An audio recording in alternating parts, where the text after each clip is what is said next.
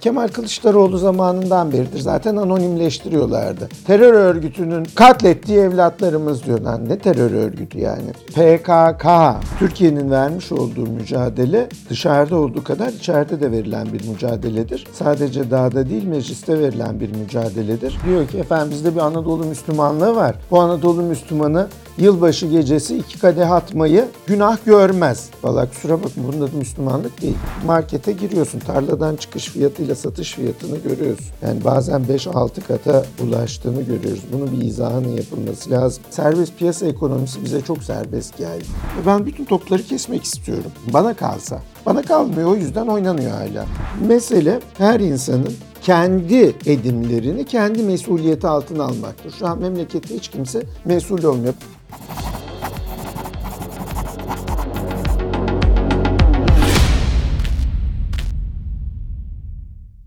Hocam hoş geldiniz. Efendim hoş bulduk merhaba. Nasılsınız hocam? Valla hastayız grip zirvesi. Değil mi hocam? Ben Siz de hastayım. öyleydiniz. Geçen hafta çekemedik o yüzden. Biz de yattık bayağı bir. Serum merum artık. Kalktık oynuyoruz öyle. Geçmiş olsun hocam. Teşekkür ederiz.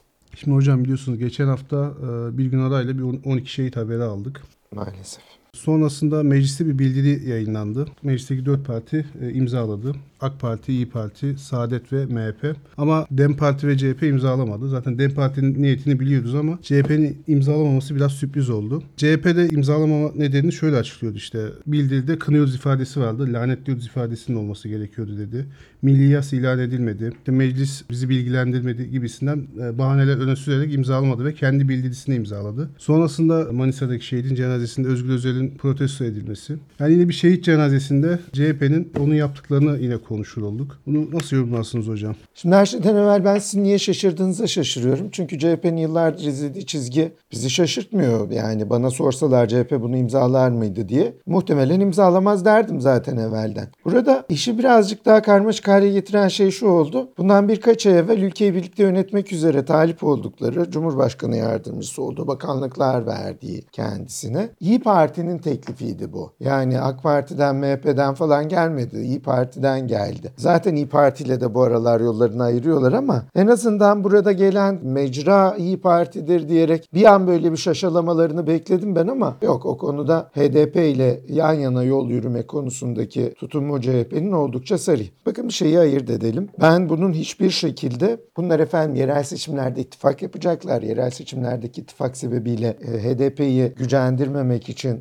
verdiği bir rüşvettir falan okumalarına katılmıyorum. Çünkü geçtiğimiz birkaç sene bize PKK'nın kuruluşundan beridir gelmiş olduğu izlediği bir çizgi var. Öncelikle el altından e, batı tarafından korunan, savunan, savunulan e, ve kullanılan bir örgüttü, bir taşeron örgüttü. Akabinde Suriye İç Savaşı ile birlikte PKK'nın artık bir meşru bünyeye evrilmesi ve uluslararası meşruiyet devşireceği bir alanın açılması tezgahlandı. Bunun da Türkiye içi- içinde bir mümessilinin olması lazım. Bu mümessil HDP olamaz. Çünkü HDP bizzat PKK'dır. Bunu yapacak merkez siyaset içinde yegane parti CHP olduğu için CHP işte efendim kimse bize milliyetçilik öğretmeye kalkmasın. Biz anafartalardan, adalardan, modalardan, efendim Conk Bayırı'ndan, şuralardan anlatıyorlar ya bir hikaye. Yok Kuvayi Milliye'nin partisiz. Bunların hepsi hikayedir. Burada işin asıl kısmı şudur. CHP kendisine üniforma verilen, kendisine bir alan tahsis edilen Johnny tarafından, kendisine bir bayrak verilen bir pasaport verilmedi. Pasaportu da verdiğin anda bu artık bir devlet olarak Birleşmiş Milletler'in indinde makbul bir şahsa dönüşecek. Efendim Batı tarafından eğit donatla şımartılan binlerce tır mühimmat verilen bir yapı. Bunun şahikası nedir bu hadisenin? Yani HDP'nin e, mücavir olduğu, PKK'nın mücavir olduğu, YPG'nin ki biliyorsunuz bu. Kendi aralarında ellerine alfabeyi alıyorlar. E, YJPG diyor, YRK diyor, YRK bile var. YPG diyor, PYD diyor, DEMDEM diyor, DEP diyor, DET diyor, VıT diyor.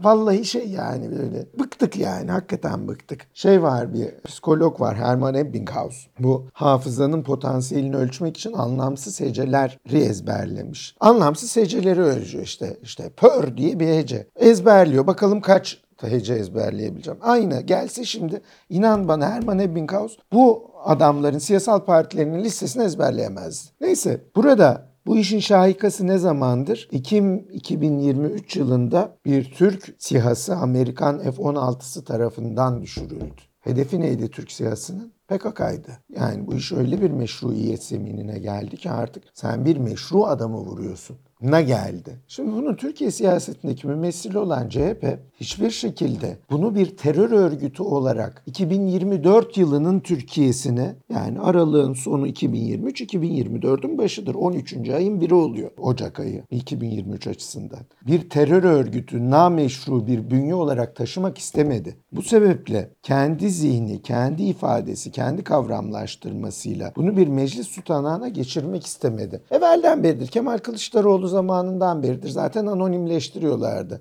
Terör örgütünün e, katlettiği evlatlarımız diyor. Lan ne terör örgütü yani? Ali Rıza Mehmet 3-5 kişi bir araya geldiler de bir şey mi yaptı? Bunun bir adı var. PKK. Bunlar örgüt ismini anmaz. Anonimleştirerek, masumlaştırarak meşrulaştırıyor. Bu bakımdan ben şaşırdım diyenlere şaşırıyorum. Neye şaşırıyorsun bu? 10 senedir PKK'yı yok Suriye Demokratik Güçleri diyerek, yok PYD diyerek, yok YPG diyerek, yok YRK diyerek bir şekilde meşrulaştıran bir zihin var. Bunu Batı içinde meşrulaştırıyor. Bunlar ofisler açıyor. Bunlar kendi içleri ajanslarla çalışıyorlar imaj için. Avrupa'nın meydanlarında gösteri yapıyorlar. İşte Türkiye'de de bunun Türkiye siyasetindeki mümessil de CHP'dir. Adam çıkıyor diyor ki sınırımızın dibinde İslamcı Suriye Milli Ordusu olacağına seküler YPG olsun diyor. Yok efendim Rojava devrimi diye bir şey var. Türkiye yol açsın diyor. Türkiye üniversitelerindeki hocalar ders bırakıp meydana çıkıyorlardı o yıllarda. Ama bir sosyal baskı bir şeyler oluyordu ondan sonra Türkiye'de. Şimdi yap bakalım yapabiliyor musun? Ez cümle Türkiye'nin vermiş olduğu mücadele dışarıda olduğu kadar içeride de verilen bir mücadeledir. Sadece dağda değil mecliste verilen bir mücadeledir. Sadece DEM Parti, HDP neyse ne zıkkımsa bu parti bünyelerine karşı değil CHP'ye karşı da verilen bir mücadeledir. Bunu söylediğin anda hani diyorlar ya üstüne süveterini giyecek. İşte biz Mustafa Kemal Atatürk'ün partisiyiz, Kuvayi Milliyeyiz, kafamızda kalpak, elimizde kelpek, göbeğimizde efendim bir takım şeritler bunlarla geziyoruz, labalar lubalar anlatıyorlar ya. Bunların hepsi hikayedir. Geldiğimiz nokta itibariyle efendi, geldiğimiz nokta itibariyle baykuşlar ötüyor eski kaşhanede. O şiirde dendiği gibi baykuşlar ötüyor o eski kaşhanede. CHP kendi içinde bu meseleleri öyle hiç de seçim ittifakıyla falan küçümsenmeyecek kadar içselleştirmiş ve HDP'nin, DEM Parti'nin, PKK'nın, Abdullah Öcalan'ın, Murat Karayılan'ın, Cemil Bayık'ın kimse o zalimler, mezalim, terörist, hain alçaklar bunların meşru birer aktöre dönüşmesi yolunda gayet emin adımlarla ilerliyor. Ben şaşırmadım. Hocam Özgür Özel'in siyaset yapma biçimini nasıl görüyorsunuz? Bugün e, bir yazarın şöyle bir ifadesi vardı. Özgür Özel ilkokul seviyesinde siyaset yapıyor. Diğer önceki genel başkanlarla kıyasladığımızda nasıl bir profil çıkıyor? Valla cahil bir tarafıyla ben bunu hakaret için söylemiyorum. Tespit olarak söylüyorum. Al şimdi Diyanet'in yılbaşı hutbesiyle alakalı bir tenkitte bulunuyor. Diyor ki efendim bizde bir Anadolu Müslümanlığı var. Bu Anadolu Müslümanı yılbaşı gecesi iki kadeh atmayı günah görmez. Valla kusura bakma bunun adı Müslümanlık değil. Çünkü hani bilmiyorum cahil cahil konuşuyor. Sürekli cahil konuşuyor bu arada. İslamiyetle bir sorun olduğunu biliyoruz. Orta çağ karanlığı demesinden biliyoruz. Yok ben hoca torunuyum benim nenem de kapalıydı dedem hacıydı falan deme diyerek kurtulmaz burada. Bir, bir adam şer-i şerif, edille-i şer'iye ile ortaya konulan şer-i şerifin ahkamına harama helal, helale haram derse bu adam Müslüman değildir. Bu adam irtidat etmiştir, kafirdir yani. Ben demiyorum ya kitap diyor, kara kaplı kitap diyor bunu. Ben bir adam der ki ya günah müne içiyorum yani. E tamam iç yarasın deriz. Ya içmesen keşke deriz ama laf dinlemiyor kerata yarasın abi deriz yani geçeriz. Benden uzak iç Mısır'a sultan ol deriz. Ama adam diyor ki bunu günah görmeyen bir Anadolu Müslümanlığı var. Özgür Özel siyasete çok geç eklemlenmiş. Yani öyle yok gençlik teşkilatlarından gelmiş. Bak bir Muharrem İnce için bunları söylemem yani. Muharrem İnce başka bir siyasal sergüzeşti takip etmiş. Böyle bir siyasal tecrübesi olmayan, agresiflikle dinamizmi birbirine karıştıran bir siyasal figür. Dinamik siyasiler Türkiye siyasetinde iyidir. Bunlar dikkat çekerler, gündem belirleyebilirler. Özgür Özel hala dikkat çekme, gündem belirleme konusunda sorun yaşıyor. E tabii bu konuda da Yedi Kocalı Hürmüz olmanın zorluklarından bahsedelim. Yani o partinin genel başkanı kim? Herkesin aklında bir şüphe. Efendim Özgür Özel'dir dediğin anda Aa, acaba Özgür Özel midir? Yani Yıldırım Akbulut ne kadar ANAP'ın genel başkanıydı? Turgut Özal mıydı? Akbulut muydu diye baktığında yani Hüsamettin Cindoruk DYP'nin genel başkanı mıydı? Kurucu genel başkanı olduğunda Süleyman Demirel de herkes bilir. Şu anda da görüyoruz ki CHP'nin genel başkanı Özgür Özel değil bir başkası ama o bir başkasının kim olduğunu söyleyip de reklamını yapmam. Ez cümle şunu söyleyelim. Siyaset yapışını nasıl görüyorsun? E, yapamıyor. Yani siyaset başka bir kulvardır. Bu konuda Kemal Kılıçdaroğlu ilginç bir şey söylüyorum farkındayım ama Özgür Özel'den daha elyak bir genel başkandı. Bir genel başkandı. Özgür Özel hala o koltuğu dolduramamış. Hani derler ya takımın başında 100 bin dolarlık teknik direktör sahada var 6 milyon dolarlık futbolcu yıllık. Sen bunu nasıl oynatacaksın? Sen buraya hafif geldin. Evet böyledir. Yani küfenin bir tarafına mukabil bir ağırlık koymazsan o baskül orada çöker. Bir tanesi de zıplar. Özgür Özel'in özgül ağırlığı burada bu baskülü dengelemeye yetemiyor. Hocam asgari ücret yeniden belirlendi. 17 bin lira oldu. Belirlenmesiyle diğer hizmetler yani birçok hizmette de zam haberleri gelmeye başladı. Ehliyet, pasaport biraz daha devleti ilgilendiren kısmı. Ama e, hani bunun en önemlisi bu zamlarla beraber 3 harfli marketlerde zam yapmaya hazırlanıyor. E, hatta yani market müdürlerine hani mesajlar gidiyor. Etiketleri değiştirmeye hazırlanın. Şimdi asgari ücreti zam veriyoruz ama bir yandan da böyle bir zam şeyi geliyor. Yani bir şeye dönüştü hocam. Aldığımız paranın e, herhangi bir değeri şeyi olmuyor.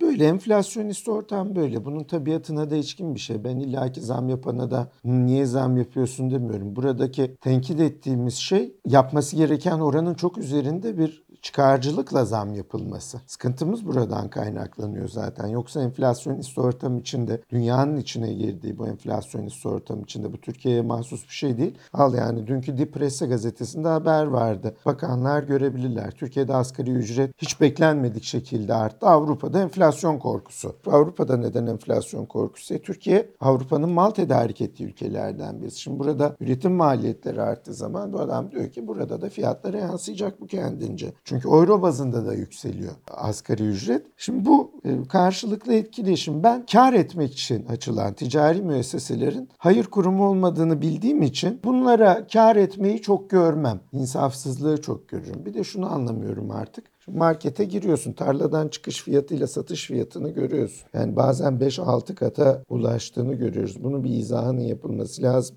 Bununla ilgili bu serbest pazar, serbest piyasa ekonomisi bize çok serbest geldi. Siverek şalvarı değil bu. Belimizde uçkur yok. İstediğin kadar bol al uçkurla nasılsa sıkarsın. Öyle bir şey değil yani. Plastikli bir şeydir. Öyle fazla bol olduğunda düşer adam ondan sonra. Eğilemezsin kalkamazsın. Devletin Evet yani kamucu polit, kamucu ekonomiyi biz geride bıraktık. Doğrudur, yanlıştır bunu tartışırız yani. Hepsinin karını ve zararını tartışırız. Fakat burada e, devletin bir seyirci pozisyonuna itilmesi maalesef 1990'larla birlikte girdiğimiz bir arızalı durumdur. İnşallah bir başka yere geleceğiz bakalım. Hocam siyasette bir federasyon tartışması var. Geçtiğimiz günlerde mecliste bütçe görüşmelerinin son gününde Hüdapar Genel Başkanı konuştu. Ee, Zekeriya Yapıcıoğlu. Ee, biz olumlu ve olumsuz tüm yönleriyle eyalet sistemi, özellik ve federasyon gibi yöntem modelleri üzerinde serbestçe tartışabilmeliyiz diyor.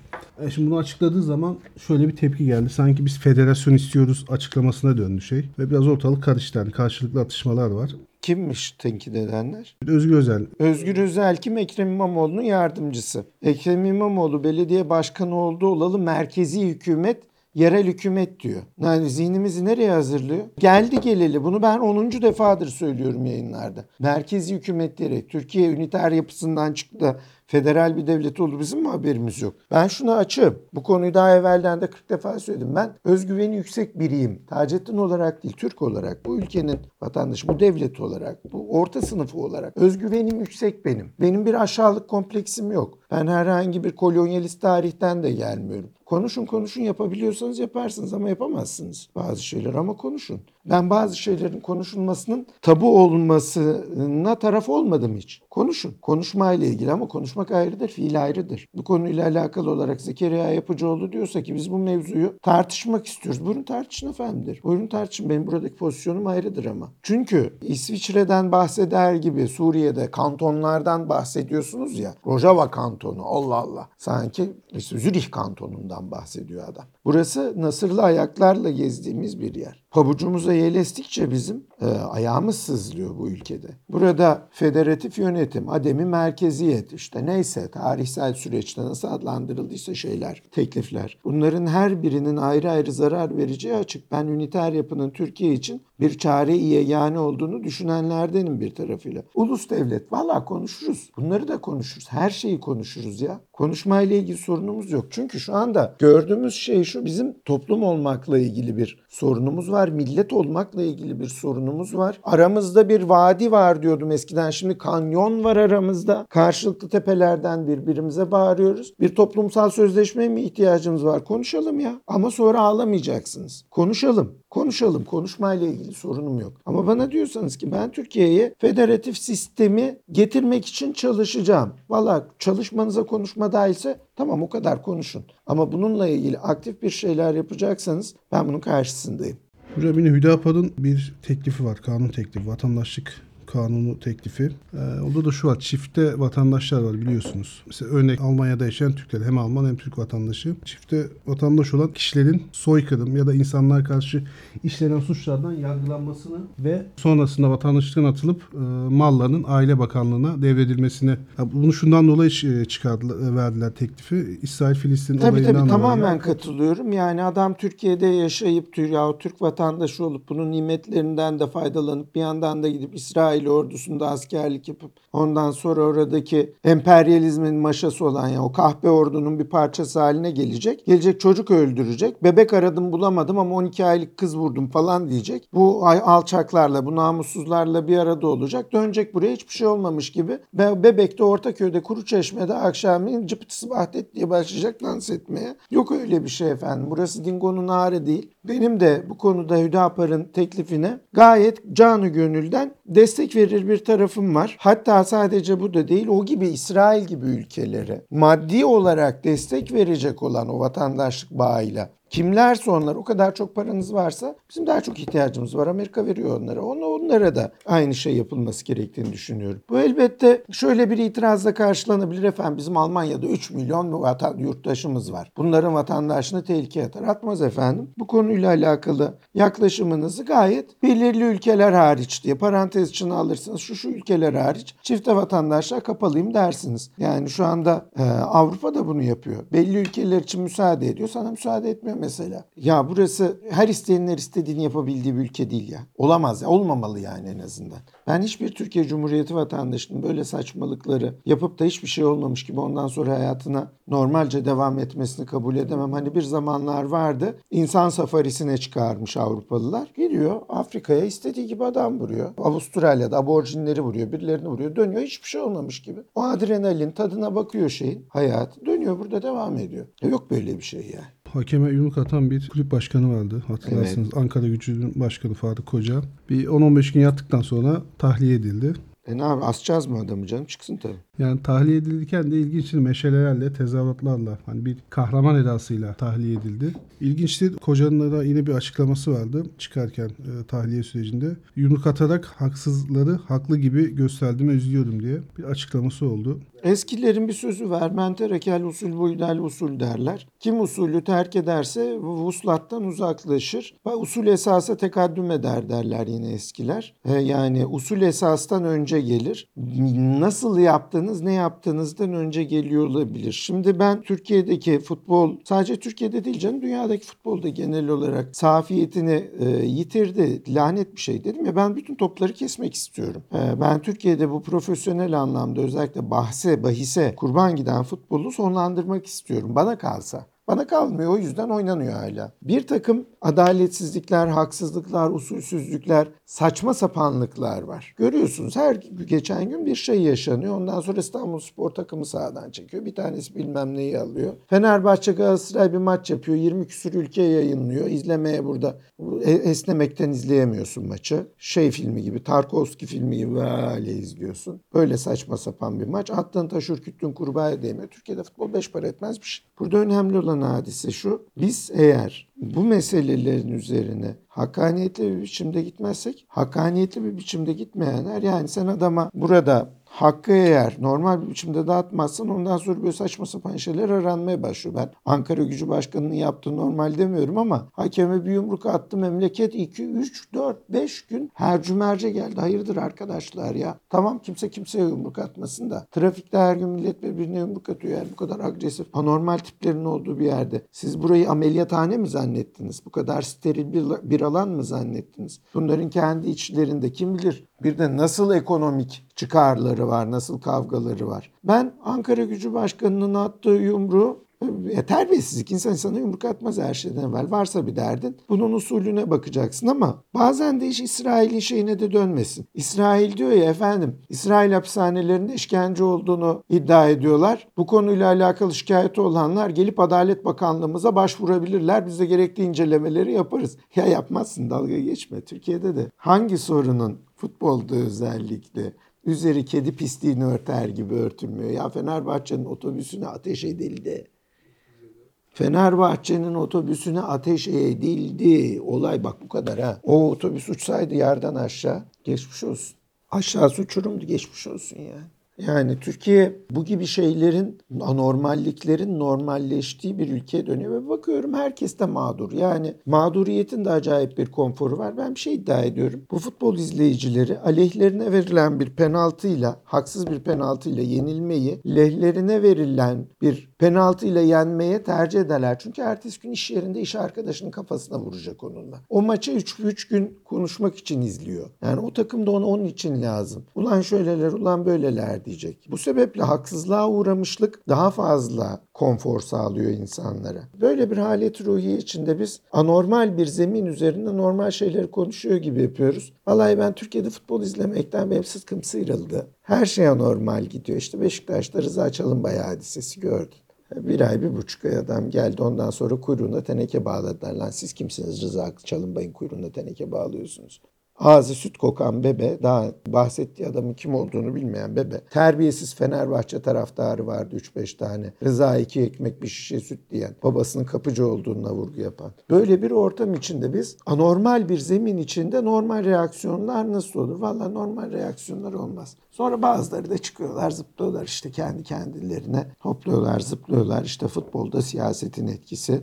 Siyaset futbolun üzerinden elini bir çeksin de bak gör. Bak gör neler oluyor. Bak birbirlerine nasıl orada o kara ekonomiler nasıl ortaya çıkıyor. Yeniden garip garip skandallarla nasıl çalkalanıyoruz. Şu andaki hal bu basınca rağmen hani düdüklün üzerine taşı koydun buna rağmen onu bir çek bakayım o tavana fırlıyor mu fırlamıyor mu? Çünkü burada ahlaksız, çıkarcı, mürtekip bir zihniyet var. Bu kadar. Ondan sonra Ahmet Çakar çıkıyor anlatıyor. Diyor ki Galatasaraylılar İsviçre Röstesberger diye bir tane adama otelde gözümün önünde şöyle rüşvet verdiler. Anlatıyor yani. E biliyoruz kardeşim Metin Aşık şunu yaptı. Tahsin Kaya bunu yaptı. Alişan şunu yaptı. Cemaziye Level'in hikayeleri. Tamam Cemaziye Level'in hikayeleri de Fikret Orman Beşiktaş başkanlığından giderken işitmediği laf kalmıyor. Ya Beşiktaş yöneticisini şurada Yeşilköy'de adamı restoranda vurdular öldürdüler ya. Ne oluyor hayırdır ya nerede yaşıyoruz yani? Arkadaşlar Kolombiya'ya mı döndü burası ya? Escobar'ın kafasından vuruldu Kolombiya'ya mı döndü?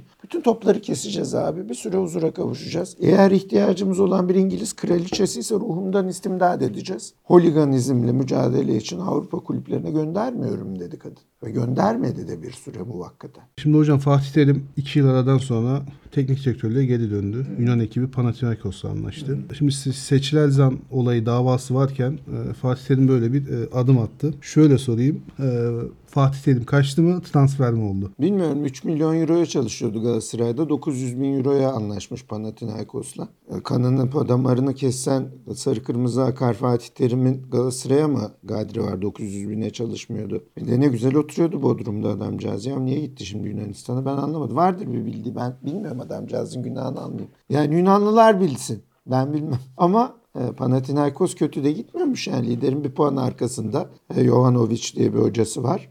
Gidiyorken durup dururken böyle şu bir vardır bir şey ya. Demek Fatih Terim'e ihtiyaç ama gördüğüm şu ilk gün açıklama basın mensuplarına açıklamalarını dinledim Fatih Terim'in. Vallahi Fatih Terim hepimiz tanırız. Aklı pek yerinde değildi yani. Biraz dengesi bozulmuştu Fatih Hoca'nın. Bir garip konuşuyordu yani.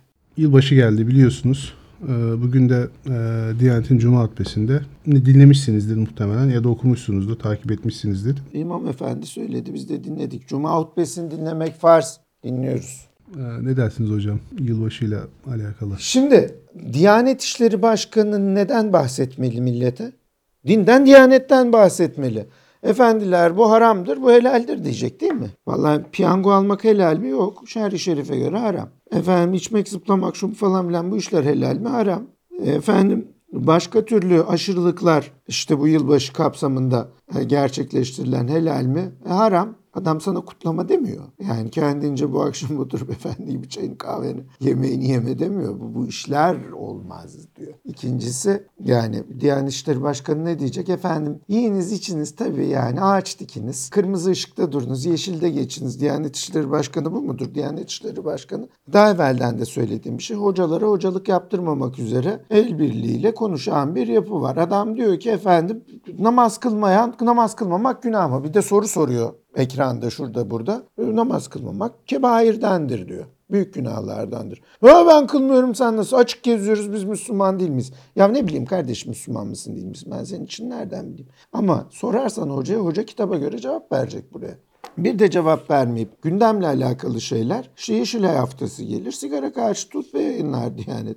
Böyledir. Şimdi yılbaşı geldiğinde de efendiler içmeyin, almayın, oynamayın bu kumarı. Böyle şeyler yapmayın, azıtmayın demesinden daha normal bir şey yok Diyanet'in. Diyanet bunu yapar. Mesele yılbaşına gelecek olursa, yılbaşı ile Noel'i birbirinden ayırıyoruz. Evet bu normal bir şey. Özellikle Latin Hristiyanlığı açısından 24 Aralık, Doğu Hristiyanlığı açısından bir kısmı açısından hepsi değil. Çünkü onların da 24 Aralık'ı kabul edenleri var. 6 Ocak'tır Noel. Burada Hazreti İsa'nın doğumu nu milat kabul ediyorlar. Sonradan bir çıkmış ki Papa Gregorius'un hesapları itibariyle yanlış hesaplanmış. Hazreti İsa milattan evvel 4'te doğmuştur. Yani sıfırda doğmamıştır. Ve bunun da yanlışlığı çıktı ortaya. Ee, mesele değil. 24 Aralık bir pagan bayramıdır. Hristiyanlıktan da evvel kutlanan bir pagan bayramıdır. Sol Invictus bayramıdır. Güneşin zafer bayramıdır. Biliyorsunuz günler yeniden uzamaya başlayacak. Güneş karanlık karşısında zafer elde edecek falan filan. Şimdi bu pagan adetini sürdürmek isteyen sürdürsün valla ben kimsenin gündelik hayatıyla ilgili bir takım şeyleri söyleyecek, bir takım hadiseleri bunlara dayatacak durumda değilim. Papa Nikolaos'u mu seviyor? Şey ne o Noel babayı. Seviyor mu? Sevsin kardeşim. Ben diyorum ki ben bir Türk'üm, Müslümanım. Benim kendime ait bir değerler silsilem var. Benim değerler silsilem içinde buna yer yok. Benim ben şahsen kutlamıyorum. Çıkıp dışarıya misyonerlik de yapmam. Kutlamayın efendiler de yapmam. Benim işim değil. İhkak hak değil yani. Şey, şeyde yazıyor mecellede. İhkak hak hak değil. Öyle kendi kendine